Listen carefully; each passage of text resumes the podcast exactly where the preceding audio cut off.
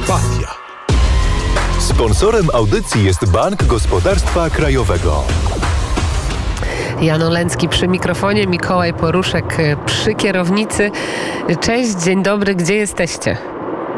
Dzień dobry, dzień dobry. Jesteśmy, tak jak mówiliśmy, już za Sofią, już w trasie do Błagojewgradu, gdzieś mniej więcej w połowie drogi. No i muszę powiedzieć, że naprawdę zaskoczenie, bo piękną autostradką sobie tutaj suniemy od samego wyjazdu z miasta. E, na początku nowa autostrada, teraz ona przeszła w drogę ekspresową, choć różnicy e, jako takiej e, za dużo nie widać wszystko naprawdę elegancko. Stacje benzynowe właśnie, właśnie mijamy, nowiutkie, z restauracjami, E, tunele nowe, przez które można e, elegancko przejechać pod górami, e, zamiast okrążać je i tracić na tym czas. Tak więc Via Carpatia na tym odcinku w stronę południowym, w kierunku południowym ma się naprawdę dobrze. Mm, to dobrze słyszeć, ale jeszcze powiedz, jak wasze wrażenia po wizycie w Sofii? Jak wasze spostrzeżenia, nastroje, co was zaskoczyło, co was urzekło w tej stolicy?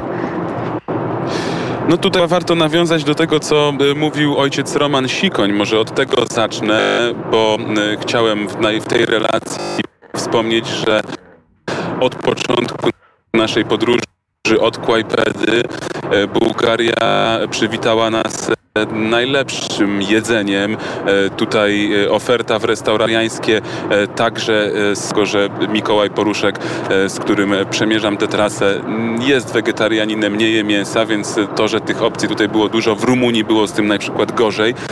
Jest to naprawdę świetne i tutaj ta żywność jest naprawdę produkowana bez jakiejfikacji posiłki są zbilansowane, bo, zbalansowane, przepraszam, bo jest i e, do mięsa zawsze jakieś węglowodany w postaci ziemniaków, kaszy, e, ryżu, zawsze jest talerz sałaty. Można się naprawdę świetnie najeść. No i jest tanio, choć już nie tak tanio jak w zeszłym roku, kiedy tutaj rozpoczynałem projekt Studio Włóczyki. No i to jest związane z tym, co mówił ojciec Roman Sikoń. No, Ukraina jest ogromnym producentem żywności. Ta żywność także do Bułgarii docierała, no a w związku z konfliktem, który tam teraz trwa, e, tutaj również ceny produktów skoczyły i jest zdecydowanie drożej e, niż to było rok temu, niż miałem tę okazję obserwować wtedy.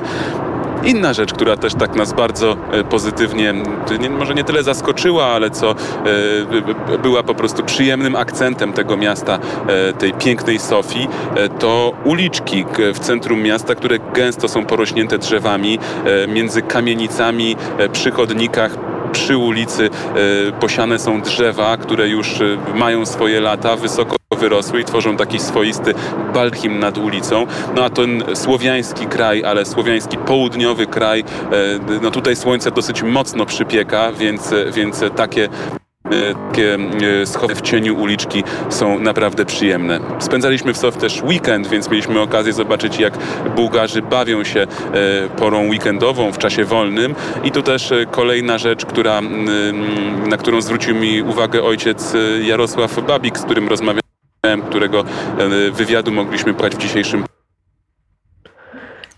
i bardzo szybko muszą jechać Jan Olencki i Mikołaj Poruszek, bo zerwało połączenie via Karpatia, ale mm, na pewno jeszcze usłyszą Państwo e, Janka Olenckiego i jego relacje.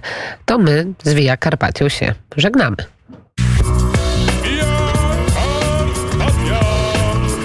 Via Karpatia. Sponsorem audycji jest Bank Gospodarstwa Krajowego.